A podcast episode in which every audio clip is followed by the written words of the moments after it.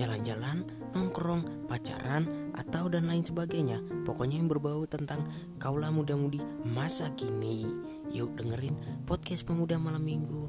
It's all about pemuda masa kini.